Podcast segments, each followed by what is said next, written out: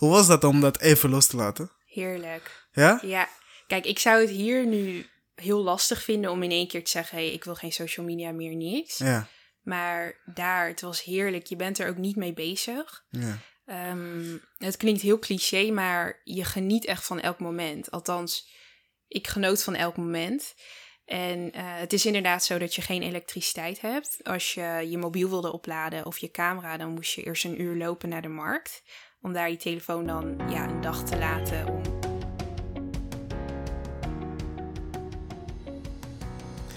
Hi, welkom dames en heren. Welkom bij een nieuwe podcast van Diepgaan met eh, Ibrahim nog steeds als je host. Eh, vandaag heb ik eh, ook een hele bijzondere gast, zoals altijd. Iemand die ik eigenlijk heel erg lang ken. Vanaf middelbare school. Lang verhaal, maar een hele bijzondere persoon. Eh, Anisha Dimkudre. Spreek ik het goed uit? Het is eigenlijk Jam Coudray. Jam Kudre, ja. Ja. ja, ik eh, probeerde het. Is dat, eh, maar het schrijven we met een D, toch? Met een D, ja. Ja, oké. Nou, welkom. Welkom bij Dankjewel. mij eh, thuis, studio.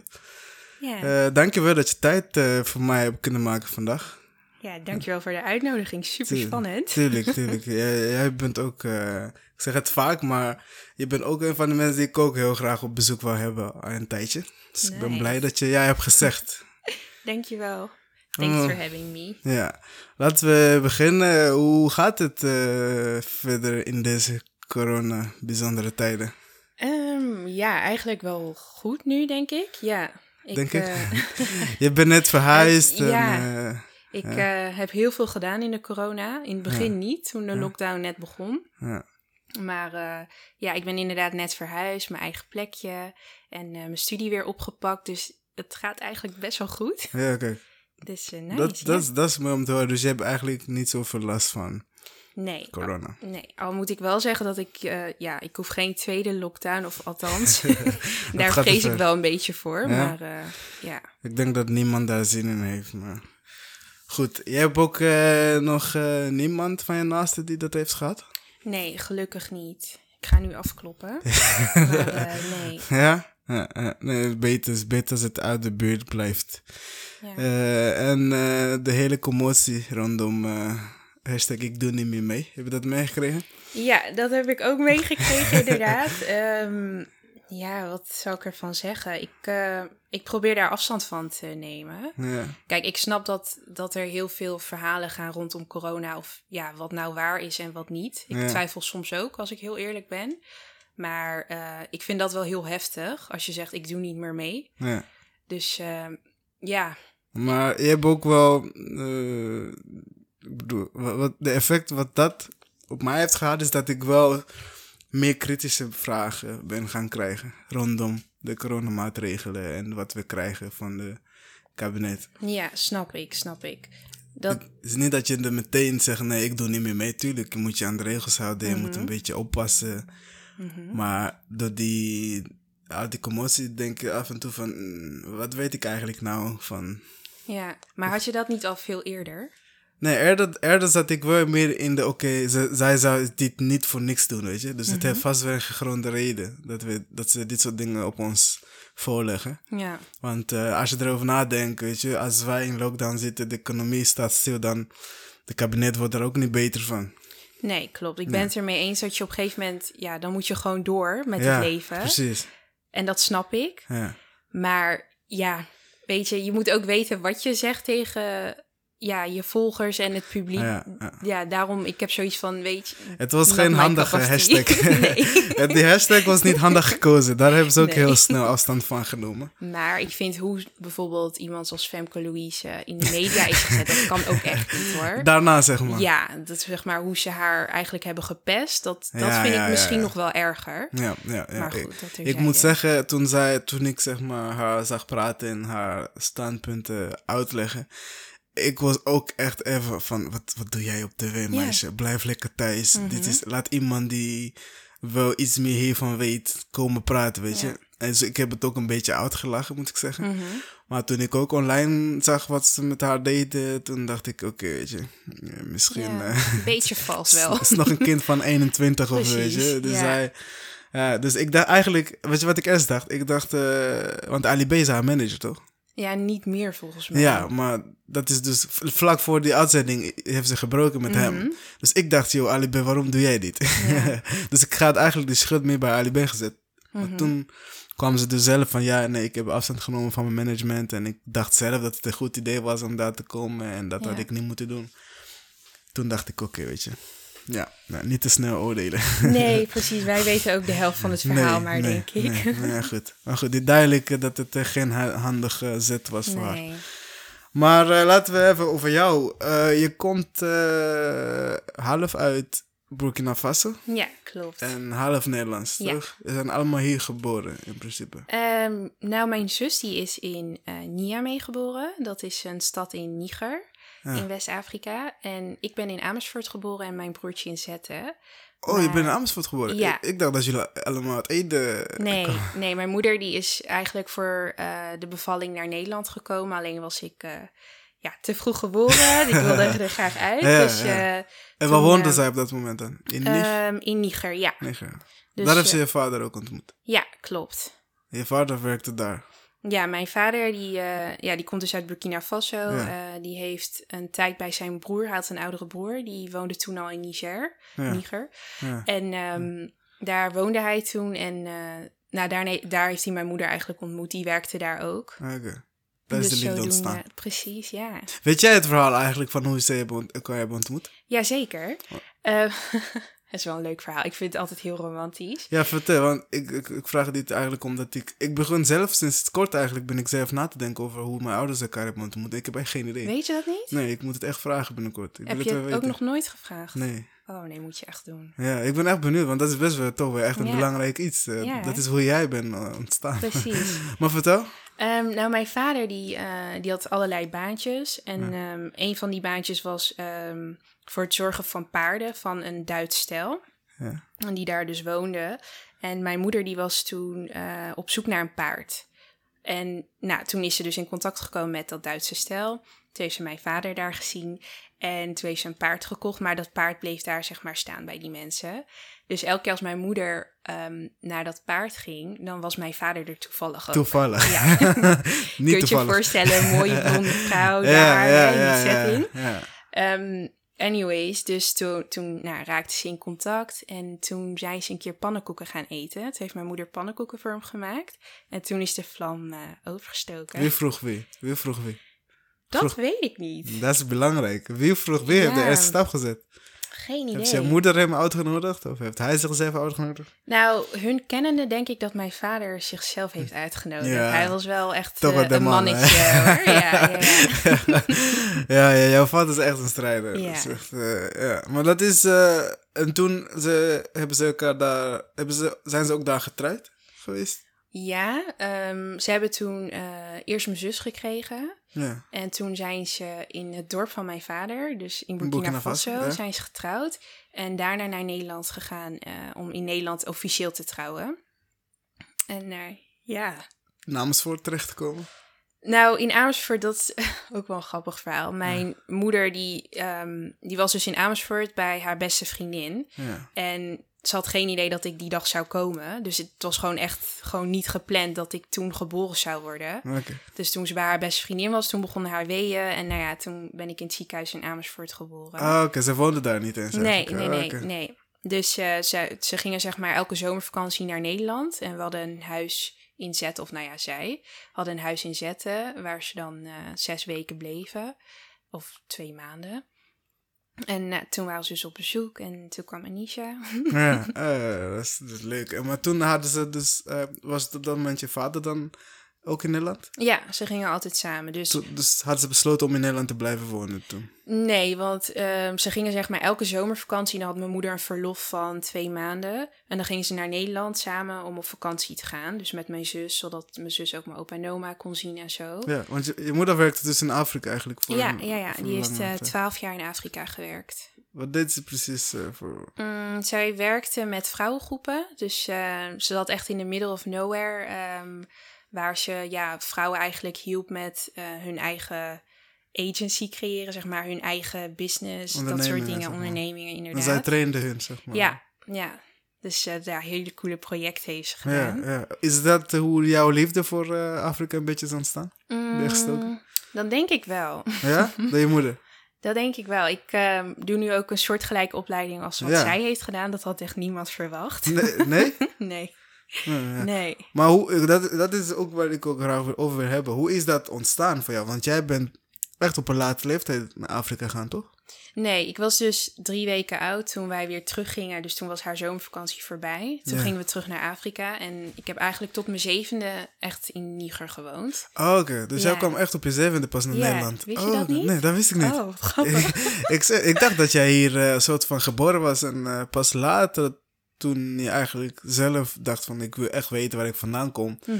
dat je terugging. Nee. Want ik kan me heel goed herinneren jouw allereerste echte reis en be- bezoek Mhm. op je, bij je familie. Mhm. Al die foto's echt, eh, want jij komt echt uit een dorp, dorp, dorp. Ja, ik kom echt uit eh, the middle of nowhere. Ja. Het kost zeg maar meer tijd om van de hoofdstad naar mijn vaders dorp te gaan... dan Ja. van Brussel naar de hoofdstad te vliegen van Burkina. Zo. Dus eh, ja. Ja. Hoe, hoe was dat? eh? Want eh, eh, oké, je bent, toen je kwam hier op je zevende, wanneer was je volgende keer dat je terugging? Ehm, dat, ik was in 2001 dus naar Nederland verhuisd. En toen zijn wij in 2012 weer naar Burkina gegaan. Toen was Dus dat is elf jong. jaar later. Maar toen was je nog een kind, toch? Eh, nee. Oh nee, wacht. Toen was ik Elf. 18. Oh ja, ja, dat Ja. was dus je allereerste. ja, echte- dat was echte- eigenlijk, ja. Met je zus. Ja, nee, en mijn vader. Want ik had toen een ticket geboekt met mijn zus. Omdat Ja. wij zoiets hadden van, het is zo lang geleden. Ik wist ook wel dingen van Afrika, maar Niet ja, veel. Ja, niet zoveel meer. En eh, ik merkte altijd al dat er iets miste. Ja, Ook toen ik op zoek ging naar, ja, naar mezelf, zeg maar. Naar Ja. mijn eigen identiteit. Ja. En mijn zus had hetzelfde. En toen heeft mijn vader nog een ticket bijgeboekt voor hem en mijn broertje. En toen zijn we eigenlijk met z'n vieren ja. naar Burkina gegaan. Weer, ik zeg het altijd voor de eerste keer weer, omdat het zo lang geleden was. Want dat voelt ook denk ik voor de eerste keer. Want je gaat pas voor het eerst terug als volwassen. Dus dan, Precies. Je Het gaat, is heel eh, anders, ja. ja. Maar toch ook wel eens thuiskomen. Ja, dat, Ja. Was, dat wil ik vragen. Hoe voelde dat? Want je, je- eh, kijk, voor mensen die niet weten, jij komt dus echt uit een plek waar echt de basics, basics van elektriciteit, Ja. eh, de internet, alle dingen zijn er niet. hè? Nee, nee. En, je komt uit een wereld waar eigenlijk dat booming was van social Precies. media, dit Ja. en dat, mooie foto's maken. Hoe was dat om dat even los te laten? Heerlijk. Ja? Ja, kijk, ik zou het hier nu heel lastig vinden om in één keer te zeggen: hé, ik wil geen social media meer, niks. Ja. Maar daar, het was heerlijk. Je bent er ook niet mee bezig. Ja. Ehm, het klinkt heel cliché, maar je geniet echt van elk moment. Althans, ik genoot van elk moment. En eh, het is inderdaad zo dat je geen elektriciteit hebt. Als je je mobiel wilde opladen of je camera, dan moest je eerst een uur lopen naar de markt. Om daar je telefoon dan ja, een dag te laten om op te Volgende laden. dag, en dan terug, volgende dag terugkomen. Ja. Het Weer een uur teruglopen. Precies. ehm, ik heb bijvoorbeeld ook neefjes die, die hebben nog nooit een echte bus gezien. Weet je wel, dus het- je kunt je het bijna niet voorstellen Zelfs als je het niet me- hebt gezien. Ja. Als je daar niet bent geweest, zeg Ja, maar. Het is zo'n andere wereld, maar ehm, ja, het is zo mooi of zo. Het is zo puur. En ik voel me niet anders dan hun. Ja, tuurlijk, ja, ik heb veel gezien in mijn Ja, leven. Ik ja. eh, voel me heel erg bevoorrecht. Ja. Dat ben ik ook. Maar ja, het is mijn bloed, zeg maar. We zijn gewoon familie. En ja, Toch, er is, er, is, er is iets wat je niet aan mensen kan uitleggen van mensen die je eigenlijk nooit echt hebt gekend in je hele leven. En dan kom je ze op je achttiende, zie je ze voor het eerst en dan voelt het Mhm. toch echt van, oké, Ja. dit is gewoon familie. ja, En de liefde Zeker. is onverwaardelijk. Dat is eh, iets heel erg bijzonders om te ervaren, denk ik. ja. En dat is ook wel wat ik altijd miste, in, ook in mijn puberteit. Zeg maar, een, ja, gewoon familie. Wij zijn met z'n vijven thuis. Ja, En dat is echt mijn familie hier. ja, En ja, ik heb een super grote familie in Burkina, maar die kende ik eigenlijk niet, ja. weet je wel. En dat kwam toen eindelijk, was dat puzzelstukje ook weer terecht. Voel je, Dus, eh, voel je dat gemis sterk in Nederland? Ja, ja. In erg. welke vorm bijvoorbeeld? Ehm, nou, ik had het vaak als eh, vriendinnen bijvoorbeeld dan een eh, familieweekend hadden of zo. Dat ik dacht van, ja, hoe zou dat voelen? Dat, dat ken ik helemaal niet. En of dat ze naar hun neefjes en nichtjes gingen. ja, dat... En jouw, jouw moederskant van de familie, die wonen ook hier in? Ja, maar ze heeft best wel een kleine familie. En dat is vroeger ja, ergens misgegaan, geen idee waar. Verwaart het soort van... Precies. En eh, ik heb nog één oom, die heeft alleen geen kinderen en die woont in Frankrijk. Ah. Dus die zie ik wel af en toe, maar ja, dat is ook heel sporadisch, zeg maar. Oké, dus ja, echte, echte directe familie zijn grotendeels in Afrika, Ja, van je vaders kant. Ja, Oké, dat, dat is dan eh, toch wel... eh, dat, het is wel eh, moeilijk dan om zo ver te wonen van... eh, ja. Ja, hij heeft het ook niet makkelijk gehad hoor. Ik bedoel, de keuze voor mijn ouders om naar Nederland te gaan, of van mijn ouders, dat, die was wel heel pittig. En hoe ouder ik word, hoe meer ik dat realiseer of zo. ja. Weet je wel, als kind maak je dat niet echt mee, niet bewust of zo.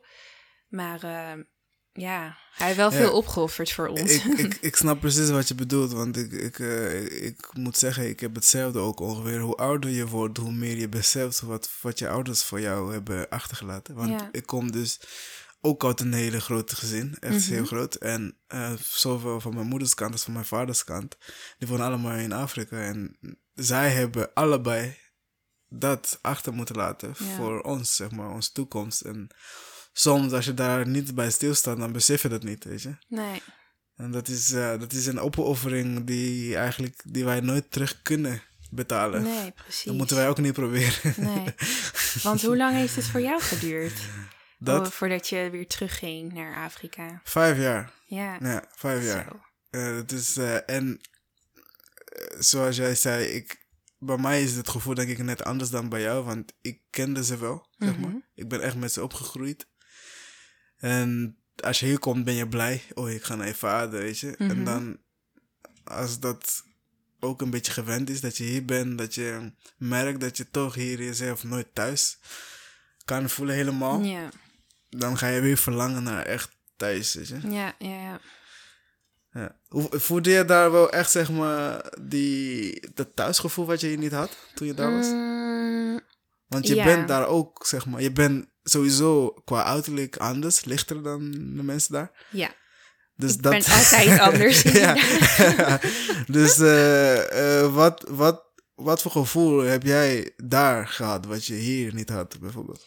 Kijk, het is eigenlijk het is heel bizar, maar ja, ook grappig en gek tegelijk. Ehm, in Nederland ben ik altijd, eh, word ik altijd beschouwd als een niet-westers persoon, wat ik Ja. ook deels ben. Ja, En daar word ik beschouwd als een blanke. Ze noemen me letterlijk ehm, de witte.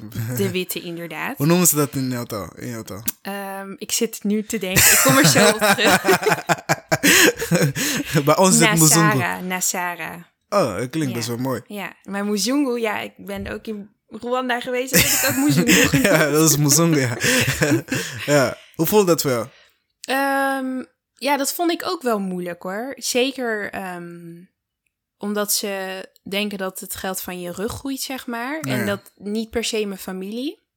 Maar gewoon mensen op straat van, oh, kijk die, die blanke. En vooral het gestaar vond ik heel lastig. Ja, ja, en dat je overal wordt nagefloten. Het was echt... eh, in Ja. 2012 dacht ik, waar ben ik? Maar dan met name in de hoofdstad. ja.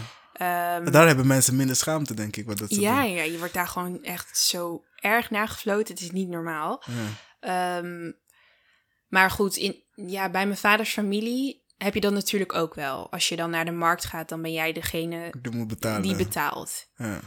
Maar het is, ja, ik voel me daar wel als toch wel een van hun of zo. Ik Ja. bedoel, mijn ooms beschouw, die gingen ons niet anders behandelen dan zijn of hun kinderen. ja. En we aten gewoon ook wel hetzelfde. Lokale eten, of althans, we probeerden het. het lokale eten te eten wat zij elke dag eten, weet je Ja. wel. Dus ehm, ja, En volgens mij is het eh, ook eh, wat je zegt, de verschil. Als je hier wordt gezien als een niet-westerse persoon, hangen toch wel een soort van bepaalde negatieve sfeer aan het woord en de bedoeling daarachter. En als je daar als een witte persoon wordt benaderd, dan zit er eerder een bewondering als in, oh, zij, Mhm. snap je, zij kan mij helpen of zij kan iets voor mij Ja. betekenen, weet je. Eerder, en die twee is toch wel wat anders, zeg maar. ja, klopt. Maar dat kan ook, vergis je niet hoor, dat kan ook heel frustrerend zijn. Nee, dat, dat, dat, dat, eh, dat Ja. geloof ik. Dat geloof ik. Dat eh, ik, ik heb zo vaak dat ik discussies had van ik ben niet anders dan Ja, jij ja, ja, en dit en dat. Dus ja, dat was soms ook dat ik dacht van nou, ik kan nu wel janken, weet je Ja. wel. Dat, eh, ja.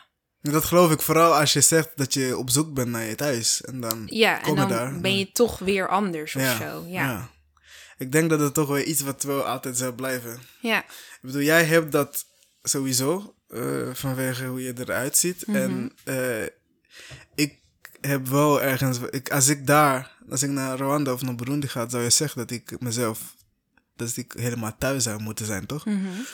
Maar ik ervaar het bijna hetzelfde ook, want daar zien ze mij ook aan hoe je loopt, hoe je kleedt, weet Het ze gelijk. het ruiken of zo. Het is niet normaal. ja, ik, eh, als ik op de markt ben, dan eh, eh, is het echt letterlijk. ehm, mensen komen echt als, als muggen naar je toe. weet je. En als je uitgaat, de dames die denken: oh Ja. ja, geld. dus Ja, eh, ik, ik snap het ook. In het begin had ik er ook, eh, mijn allereerste keer had ik ook zoiets van: ja, oké, weet je, dit is echt precies niet wat ik zoek nu. Mhm. Maar na een tijdje denk ik, weet je, toen ik hier woonde, zag ik eigenlijk mensen die vanuit Europa kwamen, zag ik ze eigenlijk precies op, met dezelfde ogen, zeg maar. Ja, maar dat is ook niet zo gek, denk ik. Ja, zij kunnen er ook heel weinig aan doen. Ja, ja. Dat is ook gewoon, weet je, wat de media allemaal meegeeft. En Ja. ik heb ook, ik ben in een dorp geweest in the middle of nowhere, dat was in Benin. En dan dachten ze dat ik van die crème op mijn eh, huid smeerde om blanker te worden. Oh ja, weet die, je wel? eh, die eh, Omdat- bleaching. Precies, omdat ah. we nog nooit zo'n licht persoon hadden gezien. Dat ik dacht van. Dit ben ik. ja. Daar een dikke fotoshoot. ja, ja. dat kan je altijd zien aan de, aan de knuckles hè, Ja, van de mensen. precies, die, die, die worden niet zo Nee, gebleached als nee. Oh, ik- zo ik- zonde.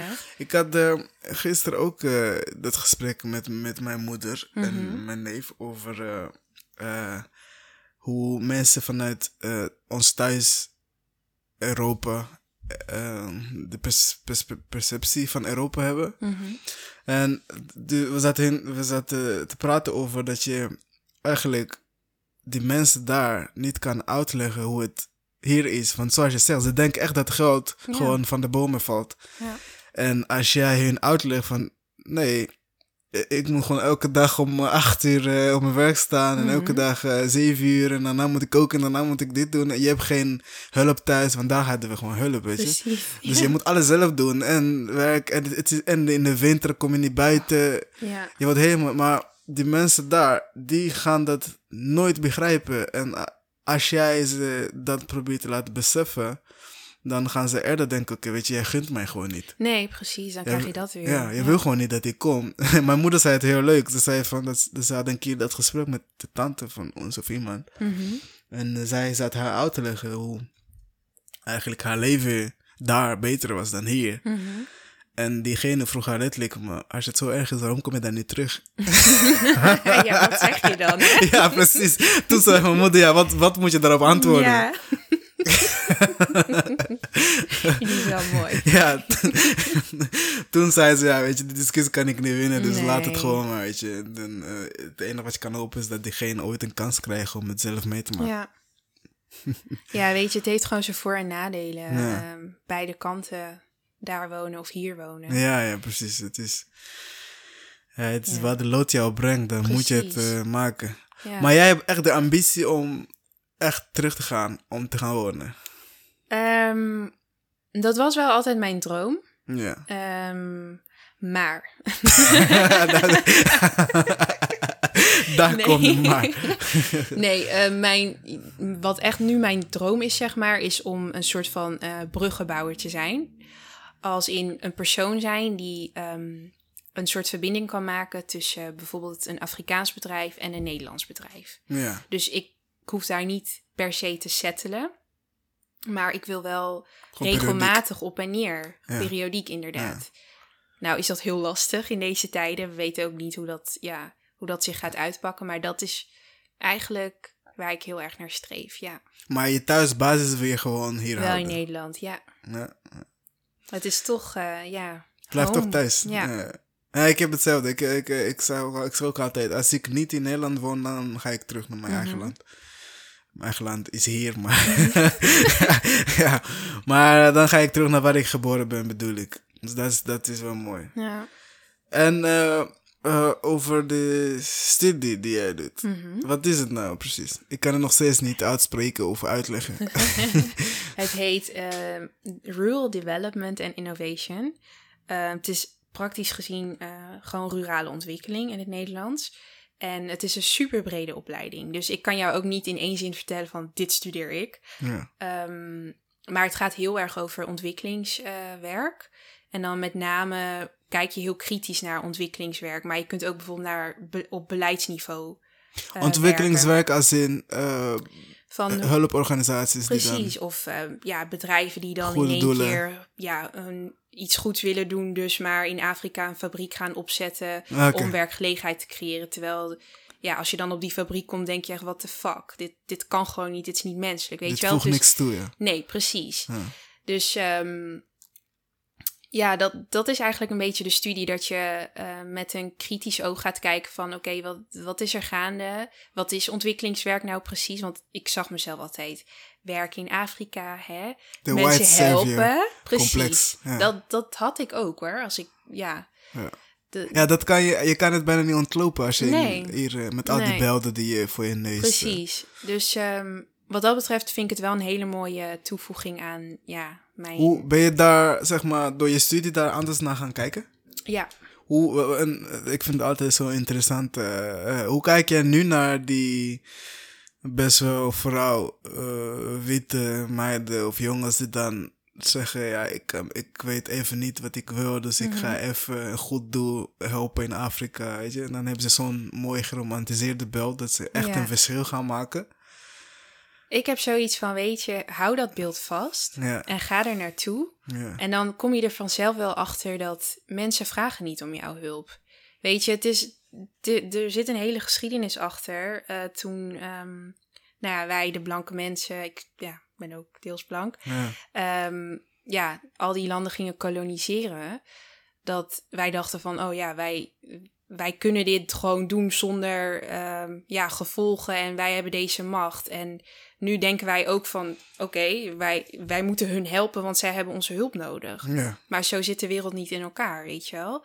En eh, om maar een heel kort voorbeeld te noemen, in Burkina is het nu ehm, heel erg onrustig. En- Oorlog. Burgeroorlog. nou, het is gelukkig geen burgeroorlog, maar je hebt daar terreurgroepen die eh, actief zijn. En je hebt dus ook het Franse leger, omdat het een Franse kolonie is geweest, Ja. die daar ook nu zit. En de Burkinabe is nu ontzettend fel tegen de Fransen, omdat die daar eigenlijk alleen maar voor hun eigen mensen zitten. Snap je? Dus ja. je, je merkt nu heel erg dat eh, onze generatie, de jongeren, zoiets hebben van: hé, hey, die, die, die verhouding klopt gewoon niet. We, we moeten, we- zo kan het niet doorgaan, weet je wel. je levert uiteindelijk meer in dan dat je krijgt. Precies. En het is niet zo dat een blank persoon hoger is of beter dan jij of slimmer. Nee, Ja. er zit een hele geschiedenis achter waarom de blanke mensen zijn waar ze zijn. En Ja. ja, Het is altijd. eh, eh, ik, ik kan me ook, zeg maar, toen ik vanuit. Toen ik nog in Afrika woonde en groeide, had ik ook altijd. De witte persoon, de witte man, de vrouw, die had je altijd een bepaalde. eh, die heeft het, alle antwoorden en Mhm. Ja. alles. En dat, dat gaat echt heel erg diep. Dat je gewoon uiteindelijk je eigen huidskleur gaat ja, afkeren. Of dat je denkt, ook hoe eigenlijk... Ik ben... Volgens mij heb ik jou een keer daarover gesproken laatst. Hè? Dat... eh, eh, omdat ik altijd donkerder ben geweest dan mijn gemiddelde studenten, ook in Afrika, Mhm.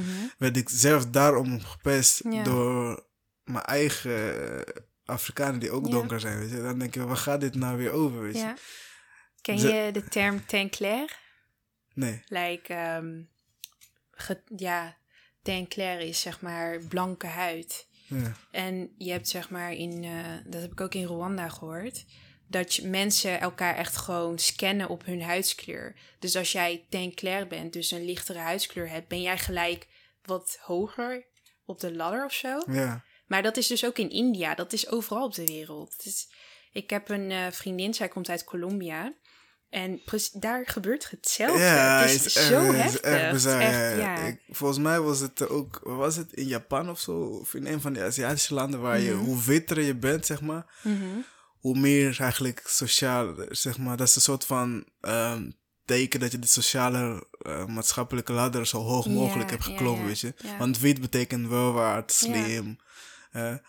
En dat gaat eigenlijk. Ik ben nu wel blij, zoals je zegt, we, zijn, we hebben en nu echt een generatie die dat aan het beseffen is. Mhm. Het is nu ook heel cool om je afro te laten groeien, weet je. Het is echt bizar.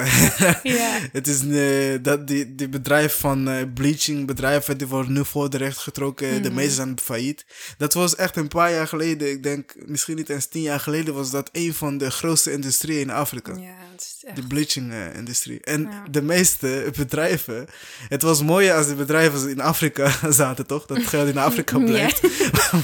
maar al dat geld komt uit, gaat naar China, naar. Amerika. Het is echt bizar hoe, hoe mensen daar zijn uitgebuit, zeg maar.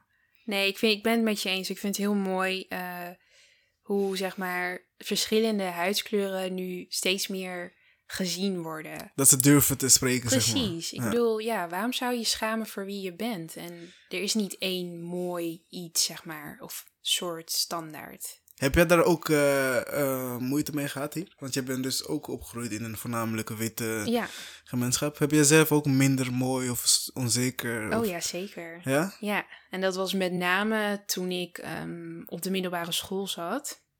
Ja. Ik had ook, eh, inderdaad, ik zat op best wel een witte school. ja. Maar niks En, ja, op het Marnix College inderdaad. Ja. En ehm, ja, ik ging bijvoorbeeld altijd mijn haar ontkroesen omdat ik stijl haar wilde. Ja. Weet je wel, ik heb mijn haar helemaal kapot gemaakt. En ik voelde me nooit mooi. Het was pas toen ik, ja, eh, voor het eerst een relatie kreeg dat ik dacht van, oké. Misschien vindt iemand mij leuk. Ja, precies. Ja? Ik ben, ik- misschien ben ik ook mooi, weet je wel. Je bent een prachtige vrouw. Ik, snap, dat is, ik, ik, eh, ja, nee, ik, ik, heb, ik vind het ook altijd zo. Soms als ik echt te lang over nadenk, word ik er verdrietig van. Want Ja. je weet gewoon dat je zusjes daarmee gewoon delen, weet je. Als, Ja. En vooral, kijk, voor een man is het... eh, tuurlijk, wij, wij maken dat ook tot een bepaalde level mee, zeg Mhm. maar. Dat je die zelfbeeld een beetje naar de kloot gaat. Maar omdat je als man wordt van jou verwacht dat je mensen gaat benaderen. Mhm. Dus dan ga je maar zoveel mens, mogelijke mensen, meisjes dan benaderen totdat je eentje vindt die jou leuk vindt. Maar als vrouw wordt van jou verwacht dat jij benaderd wordt. Dus, en als, Precies. als je aan jezelf gaat twijfelen en je ziet dat echt niemand een soort van actie neemt onder Ja. jou, dan ga je denken, shit, wat ik denk klopt. ja, van wat is er mis met me Ja, ja. En dat is, eh, dat is best wel echt verontrust, Ja. eh, verontrustend als je erover na gaat denken. Weet je? Met je zusjes en zo. Ja. Ik, ik, ja, ik hoop ook als ik ooit een meisje krijg, dan hoop ik echt niet dat ze zich zo gaat voelen als veel meiden zoals ik zich hebben gevoeld. Ja, dat ja. is echt. eh, Heb je daar heel erg lang last van gehad? ehm, En wanneer is dat omgeslagen, zeg maar? ja, dat is met moment. Ik heb echt mijn hele middelbare schoolperiode heb ik daar wel last van gehad. Maar ik heb in HAVO 5, dus dat was mijn laatste jaar, heb ik een soort van, ehm, ja, hoe noem je dat? Ben ik een soort van herboren, zeg ik maar even. Toen, eh, dat was ook toen ik terugkwam uit Burkina. Oké, dus dat dus was daar na is de reis. eigenlijk, ja, daar is alles eh, begonnen. Waarbij ik dacht van, hé, hey, ik ben ja, gewoon een leuke meid en eh, ik heb goed stel hersenen. Weet je wel, van er is, er is helemaal niks mis met me. En nou, daar is het eigenlijk begonnen, de self-love. Ja. Maar ja, weet je, als vrouw, ik wil niet generaliseren, maar heb je vaak, denk ik al van, oh, doe ik het wel goed? Weet je wel, dat, dat is denk ik bij ons sowieso misschien wel meer dan eh, bij, de, mannen. meeste mannen. Ik denk het wel. Ja, Ik denk dat mannen heel... Mannen is toch wel... ehm, eh, eh, ik zat ook toevallig gisteren een documentaire te kijken over het zelfbeeld van... is door een vrouw gemaakt. En die Mhm. hadden ook de vergelijking met de mannen gemaakt. Vrouwen is jouw visitekaartje. De allereerste is gewoon je uiterlijk. ja, En bij mannen is meestal toch de status. Wat, wat voor werk doe jij? eh, wat heb je bereikt? Heb je geld? Dat, dat is het eerste. Mhm. En daarna komt het uiterlijk. ja. Bij vrouwen is het meestal andersom. Van ben je mooi? Precies, en dan, ja. wat ja, heb je bereikt, je? Ja, het is gewoon een vleeskeuring. Ja, ja, ja, en dat is toch wel, voor jullie is dat wel wat moeilijker, denk ik. Mhm. Maar, maar toen, eh, het is omgeslagen toen je naar Afrika kwam, eh, Ja. En denken dat dat komt omdat je jouw soort van je identiteit deels had gevonden of omdat je gewoon mensen had gezien die op Dat jou denk leken? ik wel. Ik denk dat dat inderdaad kwam omdat ik, zoals ik net zei, van heel erg lang op zoek was naar iets wat ik hier in Nederland niet kon vinden. En ja, toen ik daar was, had ik dat puzzelstukje gevonden en dacht ik van oké, dit hoort ook bij mij en dit is wat ik heel erg miste. En hier kom ik vandaan, zeg maar. En eh, ja, dat maakt je zo sterk dat je toen ik terugkwam, ja, heb ik heel veel dingen omgegooid en ben ik gewoon heel anders naar het leven gaan kijken. En eh, Zijn er Ja. dingen die je bijvoorbeeld los hebt heb gelaten? ik heb wel, ehm, ja, dat vond, vond ik wel heel moeilijk. Ik heb wel bepaalde vriendschappen los moeten laten. Ja, Ja? ja. Wa- wa- wa- waarom? Nou, dat- kwam niet door de mensen zelf, Ja, maar meer door wat een groepsdruk met mij deed, zeg maar. oké. Dus toen, toen ik terug was, had ik zoiets van: hé, hey, zoals ik deed, dat, zo ben ik helemaal niet. Weet je wel, ik ben best wel een rustig persoon en Ja, ik was altijd, weet je wel, een van de eerste, van de voorste, dat soort dingen. Dat ik dacht van, hè, dat wil ik niet. Getsie, dit ben ik niet, weet je wel. dus ehm, ja, dat was wel heel pijnlijk. Maar dat, ja, was wel toen nodig. En, eh, maar je, je voelde je dus eigenlijk gedwongen om iemand te zijn die je niet wou zijn. Ja, Soms. ja, vaak. En nadat je dat stukje had gevonden, dacht je van... Ja, toen heb ik eh, de HAVO afgemaakt. Weet je wel, toen ben ik lekker gaan focussen op mezelf. eh, Nou ja, op mijn toenmalige vriend. Mijn familie, daar ben ik toen ook heel close mee geworden. Daarna. Ja. Daarvoor had je dus eigenlijk... Ja, daarvoor was ik inderdaad ook van, ja, die, ja, ik vond het altijd, ik voelde me nooit echt thuis. Ook omdat ik dat stuk miste. En eh, kijk, ik ben opgevoed in best wel een gekke setting. Mijn moeder, die is echt net een hippie. Je, je mag alles. Het is, Ja. je weet je wel, je- ja. En mijn vader, je kent hem. ja, vader is Die is weer het andere uiterste. ja, ja. dus voor mij was het altijd heel erg, ja, uitproberen wat kan wel, wat kan niet. Eh, vaker deed ik wat niet kon. Ja. Dan wel. Her- herken, herken jij die, die struggle in jouw broertje en zus bijvoorbeeld ook? Of hadden zij Ehm, daar iets minder last van? Nou, mijn zus die, eh, die speelde altijd volleybal op eh, Oh ja, professioneel niveau, niveau. ja, ja. Dus die was super gedisciplineerd. En eh, die was met haar 17 of zo al uit huis. Dus ik heb het wel gemerkt in mijn broertje. En in mezelf heel erg. Maar bij haar, ja, niet. Die was met hele andere dingen bezig. Ja, je broertje trouwens, dat is ook een hele bijzonder verhaal. Want die is ook na de reis van Afrika, is hij ook Ja. helemaal omgeklapt Ja, gewoon. ja. Ik was echt verbaasd, want eh, ik had hem dus, eh, voordat hij naar Afrika ging, kwam ik je vader regelmatig tegen. En hij zei ook vaak, ja, ja, dan ga je zeggen hoe het gaat. En dan zei hij, ja, hij moet echt naar Afrika, ik ga hem echt naar Afrika sturen. En toen is hij gegaan, en toen kwam hij terug. Ik- had- na een- ik had hem heel lang niet gezien. Toen kwam ik hem tegen in Londen. Ja, weet ik nog. Ja. En toen gingen we heel lang praten. En toen dacht ik, damn, weet Mhm. je, dat identiteitszoektocht is toch echt wel Dat is zo belangrijk. echt belangrijk. Ja, En ja. mensen onderschatten dat gewoon. Mhm. Dat als je gewoon jouw roots kan, als je weet waar je roots liggen, dat je eigenlijk zoveel sterker bent in Ja. waar je voor staat en wie je bent, als je dat gewoon weet. En dat is, ja, ik kan het niet uitleggen aan iemand die daar niet mee bezig is. Nee, precies. En ik heb ook zoiets van, jongens, ga allemaal lekker naar het dorp van mijn vader in Burkina, weet je wel. je komt jezelf Een soort van tegen. retreat. eh. Precies. Misschien moeten we wat gaan beginnen Ja, even, even een onderneming starten. Ja, er is, er is zo'n guy eh, op internet. eh, ik ga het voor jou even opzoeken. Ik weet niet meer hoe, hoe hij heet. Maar het is een, eh, ook een, een, een dubbelbloed. Ik zeg het goed. ik heb het afgeleerd, dat half bloed. Eh, hij is eh, half Italiaans en half... was Cameroen? Cameronees? Ja, Cameroenees of Burkina Faso. Een van de twee. Oh. Maar hij heeft dus eh, op een gegeven moment, hij voelde zich dus echt, echt, echt niet thuis in Europa of in de hele westerse eh, wereld. Maar hij is ook echt heel erg in van, ik wil zoveel mogelijk terug naar de natuur, weet je. Ik wil gewoon al die bewerkte troep eten, shit, dat wil ik gewoon niet gebruiken. Ik wil zo alleen maar dingen gebruiken die ik van moeder natuur krijg. Ja. Dus hij is heel erg op een hele lange reis, zoektocht gegaan. Mhm. En de reis, eh, zoektocht heeft hem geleid naar een van de afgelegen bossen in Afrika, ik denk dus Cameroen. Ik zei, ik heb voor jou maar uitzoeken. En hij vond, hij is echt zelf een huisje gaan bouwen in de bos en echt terug naar de basics. Hij heeft helemaal niks. En als je die man nu kijkt, als je op Insta ziet, zeg maar, hij, hij, hij is zo'n retreat centrum gestart Ja. of aan het sta- opstarten. Eh, waar die dus mensen wil aanmoedigen om uit hun bubbel in Europa te komen en gewoon even terug naar de basic, eh, zodat ze achter kunnen komen wie ze echt zijn. En als je hem nu ziet praten, dan die energie straalt gewoon door je beeldscherm heen, gewoon, weet je. Oh, nu maak je me echt heel nieuwsgierig. Ja, ik ga hem, ik ga hem zo meteen even, ik ga het voor jou laten zien. Maar als je hem ziet, zit, je ziet gewoon, hij laat je zien, hier slaap ik. Als ik eraan denk van als ik daar moet slapen, word ik echt niet gelukkig. nee, maar serieus. Maar hij is terug naar, als het regent, hij is aan het dansen in het regen. Mhm. Hij heeft hele voet vol met modders. En, eh, maar hij is super gelukkig. Ja. Dan zit ik soms hier te denken van, what the fuck, waar zit ik soms over te zeuren, man?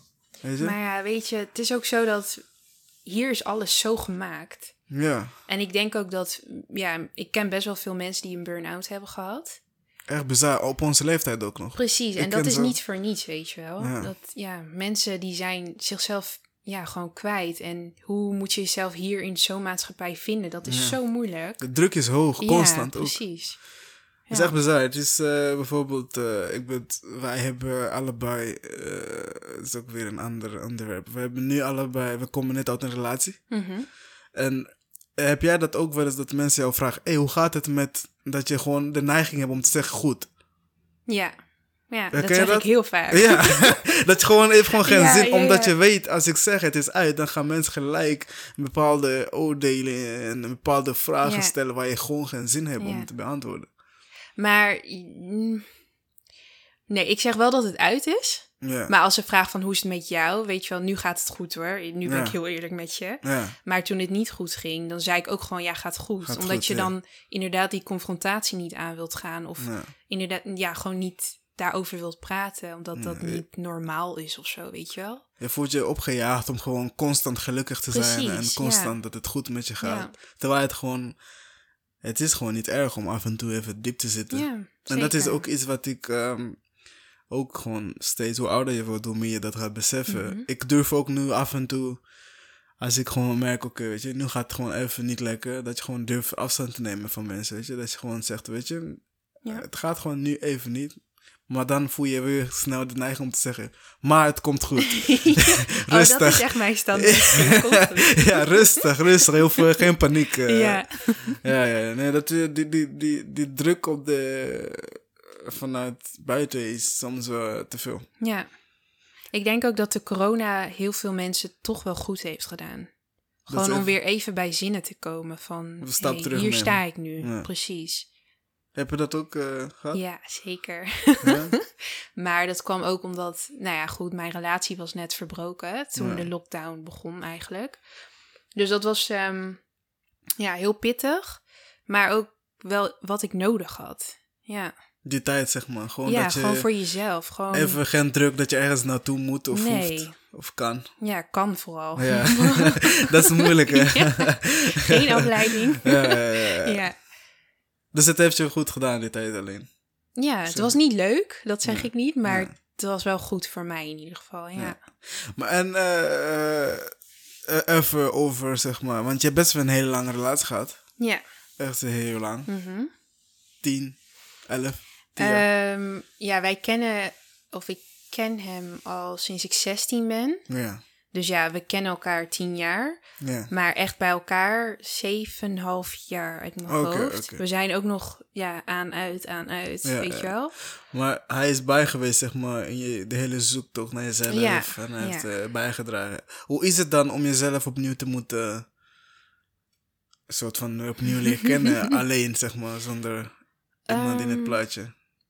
Echt doodeng. In het begin vooral dat ik dacht van... Ik, ik kan dit niet alleen. Ja. Weet je wel, want je bent zo op elkaar eh, afgestemd. ja, ja. Of ingespeeld inderdaad. Dat je denkt van... Help, ik ben mezelf kwijt. Of nou ja, een deel van mezelf. Ja. Maar dat, dat is eigenlijk niet zo. Ehm, dus het, ja, het gaat eigenlijk wel goed, zeg maar. In de zin van, ik, eh, ik kan nu eindelijk zelf mezelf weer ontdekken, snap Ja. je? Zonder dat je... Zonder dat er iets van me verwacht wordt of dat Ja. ik denk, oh nee, maar ik moet het zo doen, want ik moet nog rekening houden met. Ja, ja, ja. Dus ehm, ja, ik vind het heel bevrijdend. Ja, Het is... Maar je vindt het wel... eh, je, je hebt wel een soort van zin in om achter te komen wat eruit... Wie bent, wat eruit gaat komen. ja. En ja. denk, je, denk je dat dat jou sterker gaat maken in je volgende relatie, bijvoorbeeld? Mm, dat denk ik wel, want ik, eh, ik ben nog steeds zoekende hoor. Ik bedoel, eh, Nee, maar de zoektocht is echt... Er is geen einde aan. precies, en Ja. dat, dat, dat is het ook. Ehm, en je, je verandert ook steeds. Dus je bent steeds weer een soort van nieuw persoon of zo. Ja. Ehm, en ja, als je dan heel lang met iemand optrekt, dan ga je ook be- bepaald gedrag van elkaar overnemen. Dat je dan En later, erop, ja. ja, later kijk je erop terug en denkt van, huh, maar Waarom deed ik dat? precies, dat, Ja. dat ben ik helemaal niet. Eh, niet ten nadele van niemand. Want ik heb ontzettend mooie jaren gehad. Ja, maar en meestal doe je dat niet omdat diegene dat van jou vraagt, maar omdat jij vindt dat is. Precies, ja. Terwijl er eigenlijk... Dat, dat, nou ja, niemand heeft er inderdaad om gevraagd, maar je doet het gewoon. Ja. Want je denkt dan, oké, zo hoort dit. En, eh, Ik wil hem niet kwijt ik- of zo. Dus, dat inderdaad. Van, eh, er zit een stempel op, dus dit is het, weet je wel? Terwijl dat helemaal niet zo is. Ik bedoel, ik ben nog maar 26. Ja, nog een heel leven voor me, hoop ik. ja. Dus, Ik hoop het ook. Ga er zeker vanuit. Ja. Dus ehm, ja, weet je, eh, wat betreft relaties, ik zie wel wat er gebeurt. Ik eh, ben nu lekker met mezelf bezig. Weet je, weet je hoe ik eh hierna, hierop, hiernaar kijk, zeg maar, meestal? Mhm. Dat is eh, wat ik ook mijn relatie heel erg voor heb aangemoedigd vanaf het begin.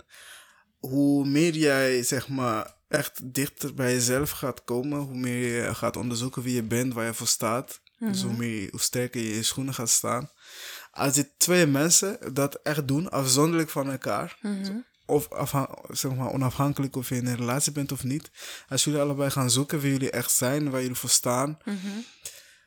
En dan kiezen om dat samen te brengen. Dan kom je, ben je met iemand niet omdat het moet, maar om- of omdat je dat nodig hebt, maar Mhm. omdat je dat wil. Precies. En dan vind ik dat een relatie heel erg sterk is. Want Ja. jouw geluk hangt gewoon niet van die andere persoon Nee. af.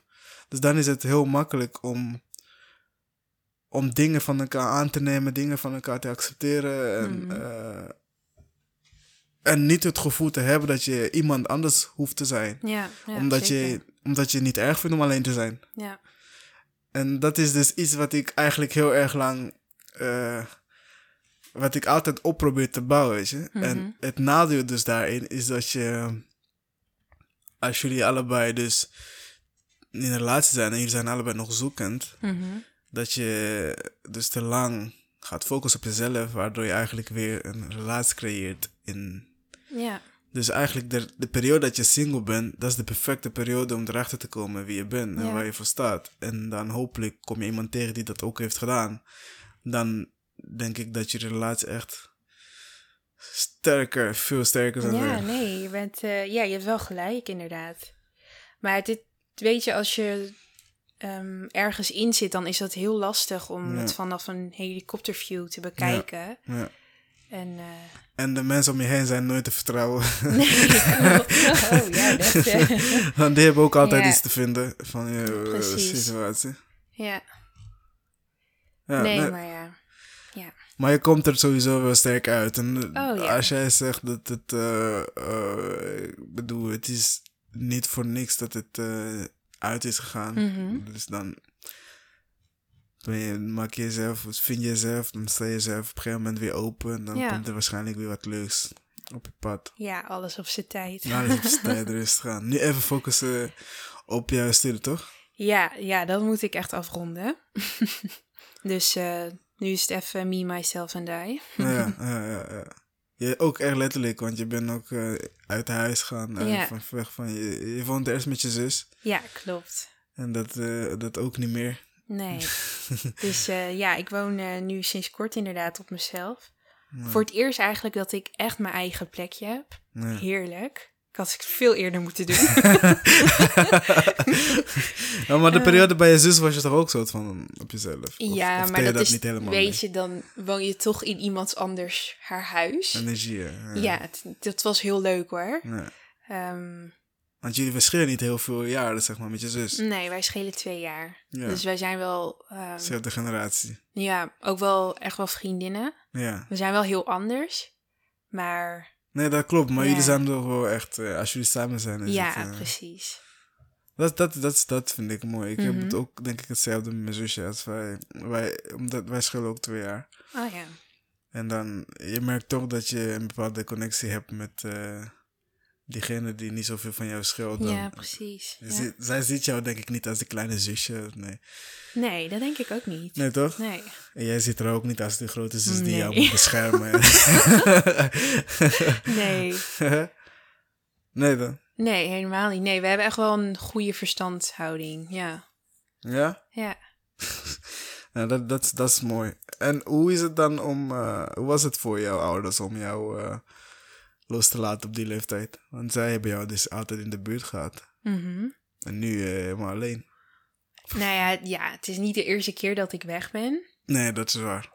Dus eh, ja, ze hebben wel heftige dingen meegemaakt voor mij. Dat ik in het buitenland zat bijvoorbeeld. Zij vertrouwen dat je jezelf gaat. Ja, ja, ja. Dus je ja. krijgt geen eh, dagelijkse sms'jes van... Joh, heb je Oh, gegeten vandaag? absoluut niet. En sterker nog, toen ik tegen mijn vader zei van... ik heb een nieuwe woning... Nou, je had zijn gezicht moeten zien. Hij was zo blij.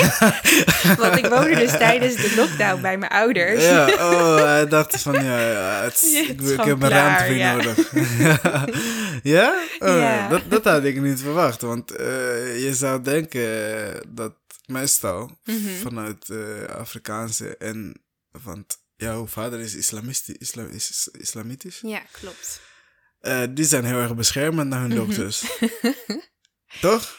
Tot op een bepaalde leeftijd. Hij, totdat hij dacht van, nou, Anisha redt zich wel. Ja? Nu is alles oké, weet je wel. Ik denk niet dat mijn zusje dat eh, kan zeggen. Nee? Nee, mijn zusje is ook eh 24. Mhm. Ze is nog thuis. En als, ze- als ze nu zou komen met uh, ik ga huis, dan zou Mhm. mijn vader, eh, waar, waar ga je heen? Echt waar? Waarom?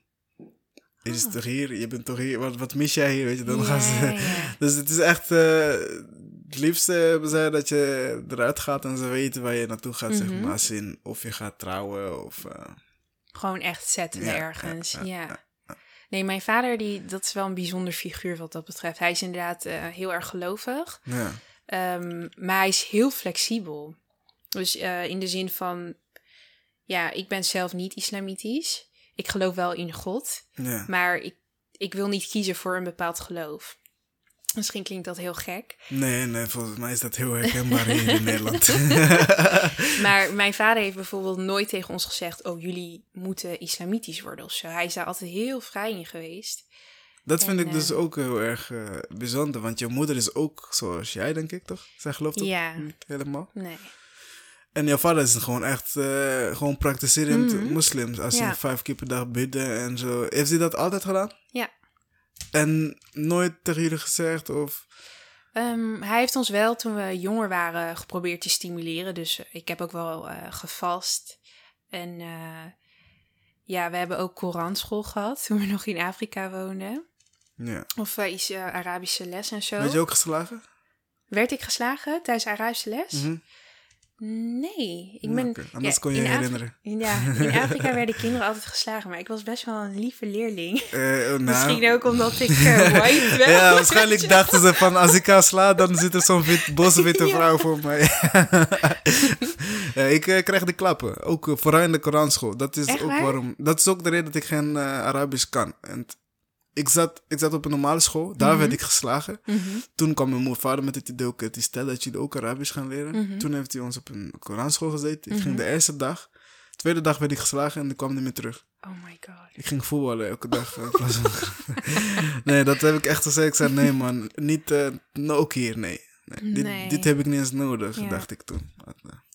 Heftig. Maar goed, eh, hoe, heeft dat, eh, hoe, heeft dat, hoe werkte dat dan in jouw gezin? Als je één iemand heel praktiserend is. Mm. En, want jouw broertje Die heeft wel, die is de enige ook met Ja, een islamitische naam. Ja, ja. Ja, Anisha komt eigenlijk van Aisha. Ah, oké, ja. Ja, ja, ja. ja, Celia is niet eh Nee, islamiet. Maar mijn nee. vader die wilde allemaal gekke namen geven. En je moeder zei nee, nee, en mijn nee, moeder nee, zei, no way. Ehm, maar mijn broertje is ook eh, praktiserend. Hè? Ja, hij is nu... Ik, ja, ik weet niet hoe lang je hem niet hebt gesproken. Maar hij is nu best wel serieus met het geloof eh, bezig. Oh nee, dat, dat is mooi. Ik heb hem al een tijdje niet gesproken. Af en toe op de app, weet je, vragen hoe het gaat en zo. Maar Hmm. Hij is sowieso niet zoveel te vinden in de... Nee, Circulatie. ik zie hem ook amper hoor. Het is Ja, echt, hij is overal en nergens. Maar lekker druk bezig met werk. Maar hij is dus ook het geloof uit zichzelf dan, denk ik. Ja, Dat, ja. Dus eh, ja, eigenlijk mijn broertje en mijn vader. En eh, mijn zus heeft het ook wel een tijdje gedaan. Ook de islamitische kant. Ja, die is ook naar, eh, die, hier zo bij die Turkse moskee, naar eh, islam, Arabische les gegaan. Verkeerde school. ik, vind de, ik vind dat de Turken heel raar om met, met, Ja, dat zei ze ook. Van dat. Maar ook gewoon, het is Ze een hele eigen- andere uitspraak ook. Dan, ja, maar ze, ze, ja. hebben dus, ze, hebben, ze geven het een soort van eigen identiteit, Mm. eigen draai. Dus, Ja, dus dat heeft ze even gedaan, maar toen had ze ook zoiets van, nou, het is niet helemaal ehm, wat bij me past, zeg maar de manier waarop. ja. Dus ehm ja. Dan moet ze dus... eh, de- de- je, je vader gaat toch ook niet naar die Turkse moskee. Hij gaat toch naar de Marokkaanse gewoon. Nee, hij bidt wel bij de Turkse moskee, omdat hij best wel klein is. Hij houdt ook niet van, Oké. Eh, waar maar heel veel hier, hier in, zijn. in Veldhuis, toch? ja, bij Die die klein- kleine. Tegenover Ja. die flat. eh. ja, ja, ja. Oké. Ja, ik ging... Ik weet nog, eh, toen ik dus net in Nederland kwam... en ik was ook een beetje op zoek naar, naar een moskee. Dat was de... Die Marokkaanse bestonden toen nog niet. Mhm. Toen ging ik daar en... We gingen, op een gegeven moment... eh, kijk... Ik, ik weet niet of je het weet, maar... Als je komt in, in een... eh, in een moskee op vrijdagavond, dan ga je de sun, dan ga je altijd er zelf bidden. En daarna Mhm. doe je de gezamenlijk gebed samen. Mhm. Maar ik kwam daar, ik dacht ik ga gewoon normaal de eerste aan mezelf doen. En iedereen keek me heel raar aan. What the fuck doe jij? ja. Maar op een gegeven moment, toen begonnen we te bidden en dan...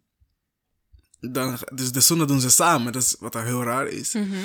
En daarna gaan ze dus spreken in het Turks. Dan denk ik, ja, Ja, hallo. snap ik.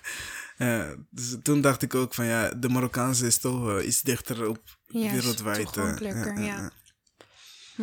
Oké, nou maar dus dan, eh, jij, jij bent met het geloof, heb jij, voel jij ook niet geneigd aan de ene kant of andere kant?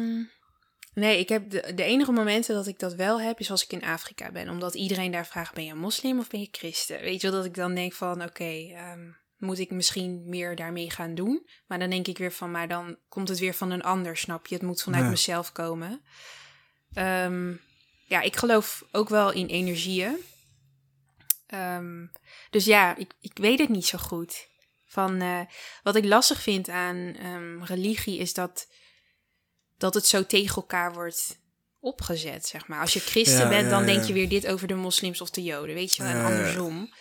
En ik hou van samenhorigheid, dat iedereen gewoon één is. Ik, vind, ik vind het ook uh, sowieso die, die tegen die, uh, Mhm. vind ik ook altijd, heb ik ook altijd onzin gevonden, want ik ben opgegroeid uit een, maar de, de kant van mijn moeder is heel erg christelijk, als Mhm. in, echt, uh, ik heb een oom die een van de grootste kerken heeft in, uh, in Kigali. En uh, gewoon, er zijn ik een paar ooms die echt hun eigen kerkgemeenschap hebben, waar die Mhm. zij leiden.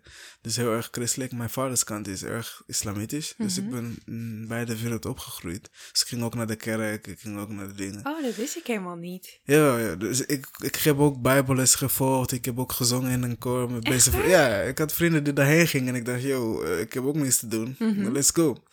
En zodoende heb ik ook heel veel dingen meegekregen. En ik heb wel...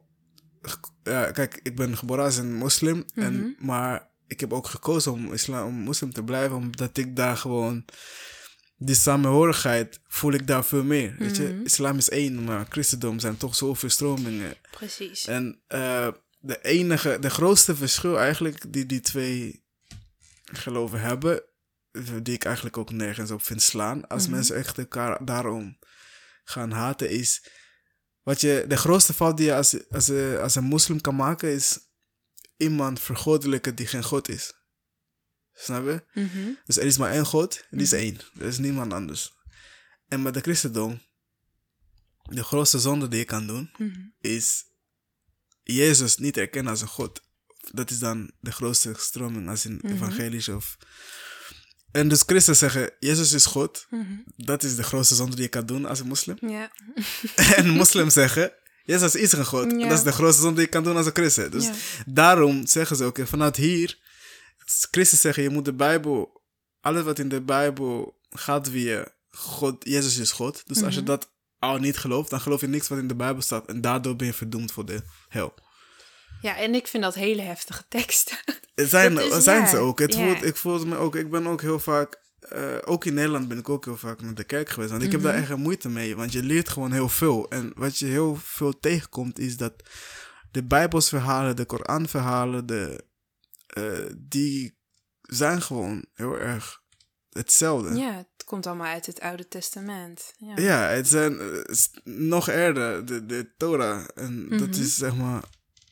Het is gewoon één geloof. Er zijn bepaalde perioden. eh, ik kan hier ook heel lang over praten, maar heel snel uitleggen is. eh, ja, de Jodendom, dat is, de oude, dat is de oudste geloof die er is. Mhm. En dat was de allereerste eh, moment dat God dacht: ik, heb nu een, ik moet een boodschap overbrengen. Toen heeft hij Mozes gestuurd, die kwam met de Jodendom. Denk een paar duizend jaar later dacht, waren mensen zo verdeeld, dachten: weet je, er is een nieuwe boodschap nodig. Mhm. Want mensen, dingen begonnen een beetje te lopen, mensen beginnen te vragen, mensen beginnen toren te bouwen om naar de hemel te gaan. Dachten van: oké, jullie hebben dus een, nog een boodschap van mij nodig. Dus heeft hij Jezus gestuurd. Die kwam met een christendomverhaal, weet je. En Mm. dat verhaal kwam om de misvattingen vanuit de Torah duidelijk te maken. Van oké, nee, zo zit het niet. Mhm. Dit en dit en dit en dit. Dat is de Oude Testament. Toen, vier, eh, ik denk eh, een paar duizend jaar later, is het weer de mensen. Want mensen zijn mensen, weet je. Dan zijn mensen weer alles van alles gaan verzinnen. Dingen gaan mengen, dingen gaan vertalen, dingen gaan eh, eh, Mhm. misbruiken.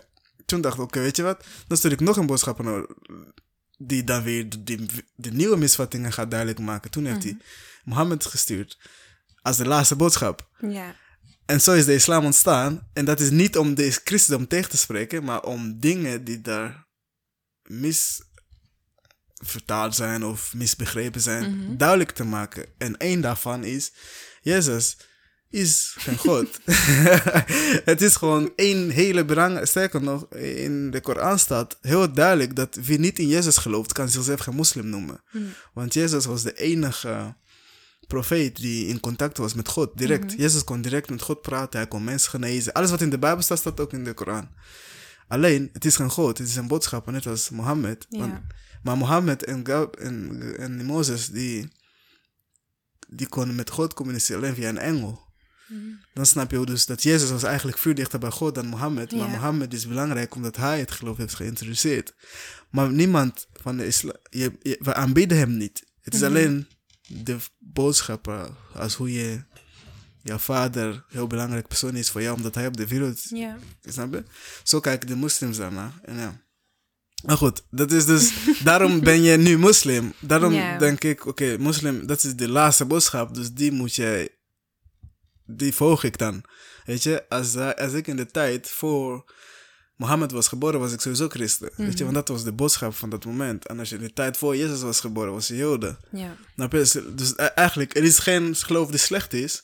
Nee, precies. Alleen, het is zelf kiezen. Wat, waar vind je jezelf, waar voel je jezelf Ja. prettig bij en wat klinkt logisch voor jou? Ja. Want uiteindelijk heb je een eigen wil. Mhm. Maar goed, eh, laat ik de laatste vraag stellen. of wil jij hier iets aan toevoegen?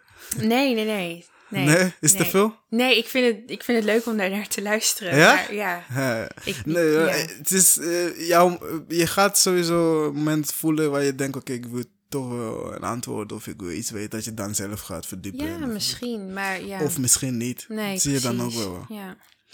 Eh, en even het laatste, ik heb het daarover, over eh, wat heel veel mensen, wat heel veel mensen afschrikken over de hel. Mhm, Het is, is die veroor- veroordeling, zeg maar, dat je als je dit niet voelt, dan ga je naar de hel. mhm. En eh, vanuit de islam weet ik, sinds kort heb ik me in verdiept, omdat ik ook heel veel geluiden hoorde van, joh, als je niet in de islam gelooft, naar de hel, dit en dat. Mhm. En dan kom je erachter dat je, eh, er staat gewoon letterlijk van wie niet de islam heeft ontvangen als de, de waarheid Mhm. die zou ook niet veroordeeld worden daarop. Snap je? Dus als je nooit diep van binnen hebt gevoeld dat islam jouw waarheid is, dan je niet naar de hel. Nee. Het staat mensen die naar de hel, die echt verdoemd zijn voor de hel, zijn dus mensen die dus bewust slecht hebben geleefd. Ja. Dus, je? en mensen die de islam eh, hebben ontvangen als de waarheid, zeg maar. Mhm. En daar dus bewust tegenin zijn gegaan. Dus als Ja. jij zou weten nu, oké, ik voel gewoon van binnen, islam is de weg. Mhm. Dat is de waarheid. En ik ga alles wat de islam zegt dat ik niet moet doen, Ga ik doen. Ga ik doen. Ja. Daar, duidelijk, dan ga je naar de hel. Maar niet omdat je christen bent. Als je christen Nee. bent, je hebt gewoon goed geleefd. Weet je, dan heb je de islam nooit ontvangen als jouw waarheid. Dan zul je daar ook niet op veroordeeld worden, maar op hoe je hebt geleefd en wat Ja. je hebt gedaan. En daar vind ik zelf, ik voel daar veel meer rust bij, weet je. Maar dat is ook wel mooi. Dat is wel een Ja. mooie filosofie, vind ik. Ja, ja, dat- dat vind ik ook. Daarom, ik heb me nooit goed gevoeld. Omdat als je, als een moslim, als, als ik een imam tegenkom die tegen mij zegt, joh, als, als, als je niet in de islam gelooft, ga je naar de hel. Dan zeg je letterlijk dat de helft van, van mijn familie naar de hel gaat. Ja, precies. Dan denk ik, ja, dan denk ik, nee man. Never mind. Ja. ja. Maar goed, eh, even ter afsluiting. Ik, vraag, ik stel altijd de één vraag eh, Mhm. aan mijn volgers, is eh, aan mijn luister, aan mijn gast. Even, je moet, je moet mij even heel snel terugbrengen naar een moment in jouw leven waar je het meest gelukkig hebt gevoeld. Even snel. Oh god, het zijn er zoveel. Kies er eentje, de eerste die erop komt. Ehm, toen ik in Barcelona woonde. Oh, daar heb je ook een stage gelopen. Eh, nee, ik heb daar een minor gedaan. Ik heb Minor. daar vijf maanden gewoond. En dat was een van de mooiste tijden van mijn leven. Ik heb me nog nooit zo vrij gevoeld. Zo Ja. mezelf. Heerlijk. Ja. En dat heeft te maken met eh, de Ja, mensen. het vier- Alles, gewoon de, de hele sfeer. Ja. Ehm, je, je kunt gewoon zijn wie je bent. Ja. Je kunt je uiten zoals je wilt. Dus er is niemand die zegt van, oh, je bent Ja. raar of hè. ja. Dus ehm, ik heb me nog nooit zo vrij gevoeld als ja, toen ik in Spanje woonde. Oh, mooi, mooi, mooi. Ja, Prachtig. Eh, Dat is dan eh, een 10 oké. als cijfer. En eh, nu even naar het moment waar je het meeste ongelukkig hebt gevoeld. Oh, het meest ongelukkig. Ja, dat is eh, best wel recent. Dat Ja. eh, is toen ik terugkwam uit Rwanda. Dat was ehm, in februari. Toen was je net je relatie Ja. eruit en, En corona. corona en op. je- Ik, stage was niet helemaal ja, succesvol geweest. Nee. Daar hebben we ook niet eens over gehad. hè. Nee. Maar goed, andere keer misschien. Ehm, eh, dat is dan, eh, ja, natuurlijk, het spreekt voor zich waarom dat kwam, dat je jezelf zo ongelukkig eh, voelde. Dus eh, al die dingen in één keer kwamen op jou. Dat was een flinke klap, ja. Ja? Heb je daar lang last van gehad? Of, eh, Ehm, nee, dat niet. Wel heel intens. ja. Dus ik heb daar ook, ehm, ja, ook wel via familie en zo en ook wel professioneel heb ik daar eh, hulp mee gehad. Oh, dat serieus? ik dacht van, eh, ja, Gewoon als psycholoog. En... ja, ja, ja. Dat ik zoiets had van, zo heb ik me nog nooit gevoeld. Oké. En dit, dit is gewoon niet hoe ik me wil voelen. Dus ik moet hier wat mee doen. Dus ik ben best wel snel in actie eh, Oh, ja, overgegaan. ja. oh man, ik zou daar nog heel lang Ja. over willen, iets meer van willen weten, maar doen we een andere keer. Oké. Komt goed. Ehm, dat is dan een 1. Mhm. waar zit jij nu op dit moment? Daartussen. Oh, ehm, ik denk dat ik ehm, op een 8 zit. Kijk, Ik, ja, het klinkt heel cliché misschien. Nee, maar nee, nee, het is echt, niet eh, cliché. ja. het is gewoon jouw cijfer. Ja. Dat, is, dat is best wel gelukkig dan, toch? ja, ik voel me heel goed. Eh, Ja. Ik doe gewoon mijn ding. Ik ja, Je bent waar je wil zijn. volg mijn hart. Ja. Dat is heel mooi om te horen. Ja. En eh, ik ben echt blij dat je dat eh, plek hebt gevonden weer. Dankjewel. Dat je lekker weer kan bloeien en eh, je ding kan doen. Dank je. En dan, niemand moet iets van jou nu. Dus je bent helemaal vrij. Oh, nice. Heel, echt heel blij om te horen. Dus ik hoop dat die- die 8 ook een 10 mag worden in de komende tijd. Maar het komt wel goed. Ja. Anders eh, kunnen wij het horen als wij iets voor jou kunnen betekenen. om eh, nou, dankjewel voor je tijd. Eh, het is nu al een uur en eh, negen minuten. Echt, hebben we zo lang gevraagd. ja, ik zei tegen jou, als het, als het draait, dan is het zo weer voorbij. Maar goed, ik ben, dankjewel voor je tijd en eh, ik laat je gaan. Uh, Ja. Zometeen. Jij ook bedankt voor het leuke gesprek. Ja, dankjewel, dankjewel. Laten we het binnenkort ook gewoon weer doen. En dan zonder de microfoons. Ja, gewoon even wat gaan goed. drinken. Ja. Dankjewel. Doei doei. Tjallas.